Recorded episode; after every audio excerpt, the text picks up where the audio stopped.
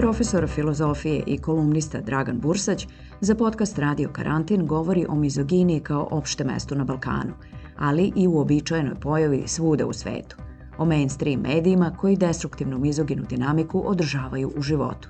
Bursać ne misli da je moguće da vlada Srbije padne zbog slučajeva seksualnog predatorstva i seksualnog zlostavljanja. Vlada Srbije je bitno seksistička vlada koja samo nominalno ispunjava neke stvari koje nemaju veze sa eh, dominantnim maskulinom i seksizmom, ali ona, je, ona jeste takva i zapravo nemoguće da padne jer dubinske strukture te vlasti, računajući i gospodina Palm, eh, su takvi kakvi jesu i negdje zapravo E, mene čudi čuđenje ljudi koji se odjednom zgražavaju nad nad, nad seksualnim predatorima.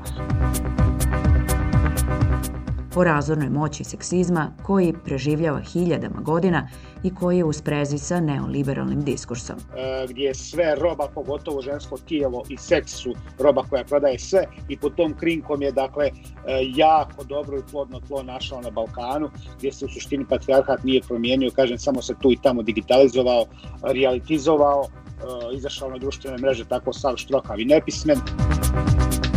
Zbog čega je feminizam neophodan, ali je naročito na Balkanu nepoželjna reč. Mi govorimo ovdje o bazičnim ljudskim pravima koje ako se ženama daju, zamislite neko daje ženska, kao, kao ja sam gospod Bog pa pohvaljam prava, ako se ženama daju ta prava, bit će problem.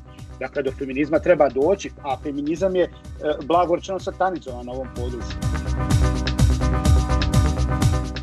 feminizam je neophodno stanje svijesti pojedinca. Feminizam nama treba kao, kao autohtoni i autonomni korektiv našeg ja u nekom moralnom smislu.